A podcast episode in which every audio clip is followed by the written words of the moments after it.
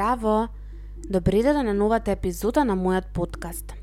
Во денешната епизода ќе зборувам за најчестите симптоми на стрес и начините како да се справиме со истиот. Стресот се појавува во различни форми и има различни симптоми. Дел од најчестите симптоми кои што се јавуваат се следните, меѓутоа сакам да нагласам дека секогаш мора да се консултирате со вашиот лекар доколку забележите било каква промена за која што не сте сигурни од каде доаѓа. Зошто? Затоа што стресот многу често знае да дава физички симптоми, кои што во суштина не мора да значат стрес, туку на вистина се некаква физичка дисфункционалност. Доколку имате еден од овие симптоми, тоа не значи дека ситуацијата е алармантна или дека истата нужно се препишува на стрес. Ние сите во одреден период од животот доживуваме стрес и доживуваме некои од овие симптоми зголемен или намален апетит, инсомнија или хиперсомнија, односно проблеми со спиењето, кошмари или тешкоти да се разбудите, користење на алкохол, цигари и дрога за релаксација, зголемена потреба за сладки и за чоколадо, крвави непца, болки во желудник и стомак, акни, болка во гради и забрзан пулс, студ, неможност да се концентрирате, постојана загриженост, сува уста, ладни или спотени дланки и стапала, лошење и нагони за повраќање, повраќање, зголемена нервоза и нетрпеливост, намалена продуктивност, забрзан говор, анксиозност, чувство на оптовареност, нервозни навики како грицкање на ноктите или играње со косата, намалено ниво на енергија, тензични мускули, стискање со забите и така натаму. Предходно зборував за еу стресот, односно за позитивните промени кои што ги носи стресот, меѓутоа кога оваа не преплавува, ние не можеме веќе разумно да размислуваме и имаме дистрес кој што ни носи досада збунетост, апатија, прегорување и дезориентирано однесување. Преголемиот стрес носи негативни последици, но па и при премалку стрес има негативни последици и затоа е важно да се трудиме да искусуваме што е можно повеќе устрес во животот, а што е можно помалку дистрес. Стресот кој е во здрава доза и контрола прави да се чувствуваме стрекно и продуктивно, меѓутоа дистресот знае на вистина да не извади од колосек и да не размести. Постојат начини за справување со стрес кои што се индивидуални, И јас секогаш предлагам вие индивидуално да се советувате, меѓутоа постојат и некои начини кои што групно на сите знаат да ни бидат од помош, што не значи дека секогаш на секој од нас ќе му бидат а, од помош, не значи дека сите ќе бидат во склад со секого, но се убави се начини на кои што можеме да се поддржиме како би се справувале полесно со стресот во нашиот живот. На прво место е планирањето. Организираните луѓе полесно се справуваат со стресот затоа што не мора да паметат, туку тие запишуваат. Па така запишете ги сите задачи кои што треба да ги завршите во текот на денот и на тој начин нема да заборавите ништо и ќе се поддржите да сте под помалку стрес. На второ место е поставувањето на приоритети кое што е во склад со планирањето. Доколку веќе имате план, пожелно е во самиот план да ги ставите вашите приоритети – Доколку забележите дека некој денови листата е предолга, фокусирате се само на главните три приоритети кои што се најзначајни за вас. На трето место е пишувањето дневник. Ова е секогаш добра идеја која што се покажала многу успешна и многу луѓе ја практикуваат во текот на целиот живот. Кога немате со кого да разговарате, се срамите, многу сте тажни или пак сте многу срекни, пишувањето на дневник може да биде издувниот вентил. И на овој начин не само што ќе го уважиме и намалиме стресот, туку и подобро се спознаваме себе си.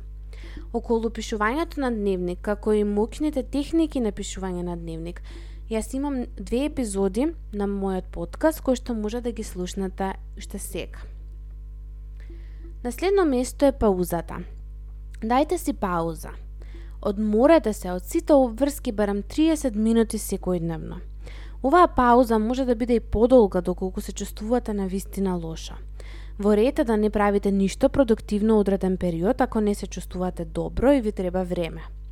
Способноста да сме концентрирани максимално се движи во интервал од 30 до 45 минути, па затоа правете чести паузи од било какви активности после 45 минута.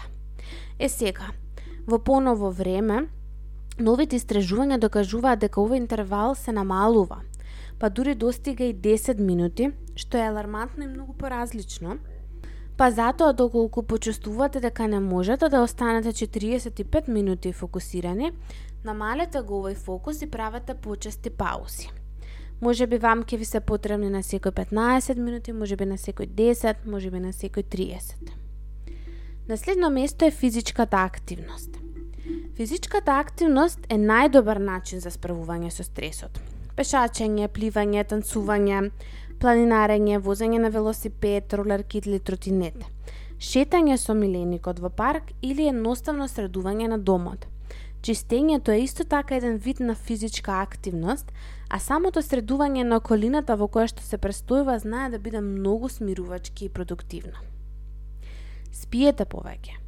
Проблемите со сонот се едни од најчестите знаци дека сме под голем стрес. Квалитетен сон е многу значаен за да се справиме со стресот. Преуредете го местото каде најдолго престојувате. Секоја промена носи позитивни емоции, па уредување на просторот знае да делува смирувачки, но и многу мотивирачки. Музика. Слушајте музика. Вашиот омилен жанр.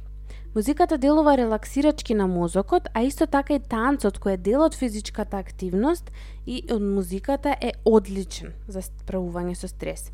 Измислете песна или мелодија која ќе ви биде стрекна и повторувајте ја кога се соочувате со нешто кое што ве вознамирува. Ова е многу убава тактика, кога сте под стрес да имате одредена мелодија која што ве смирува. А тоа може да биде и мелодијата од вашето детство која што ви е пеена, која што можеби се уште ви стои присутна во вашата глава, затоа што тоа е еден од начините на кој што вие сте се смирувале. Поминувајте повеќе време во природа. Секое време кое што е слободно може да се помине во природа поврзувањето со растенија, животни, земјата, ветрот и звуците е огромен лек за стресот. Сушност приземјувањето е она кое што нас најмногу не лечи и не прави стрекни. Нема подобар начин да се дружите и да сте на дистанца од луѓе, да се одморите, слушајќи ги птиците, жуборот на реките, вењето на ветрот, капките дошт и така натаму. Следно што е многу важно е да се храните здраво. Храната богата со витамини и минерали помага во справување со стресот. Исто така црната чоколада е една здрава верзија на сладки која што помага да се лачи ендорфин кој е природен борец против стресот.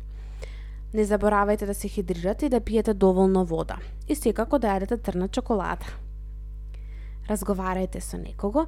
Разговорот со родител, партнер, пријател е многу, многу, многу често знае да делува смирувачки затоа што на некој начин бара поддршка и дава поддршка и ворете да разговарате за сето на кое што вам мачи. И не заборавајте да се слушате себе си, што е на кое што ви е потребно во овој момент, затоа што ние секогаш знаеме што ни е потребно, но брзото темпо на живот ни ја одзема таа природна моќ која секој од нас ја поседува. Земете си малку време за себе, слушајте си го телото, умот, душата, Најдете го најдобриот начин кој ќе ви помогне да се справите со стресот и секако доколку не можете сами, секогаш е убаво да си побарате и стручна помош.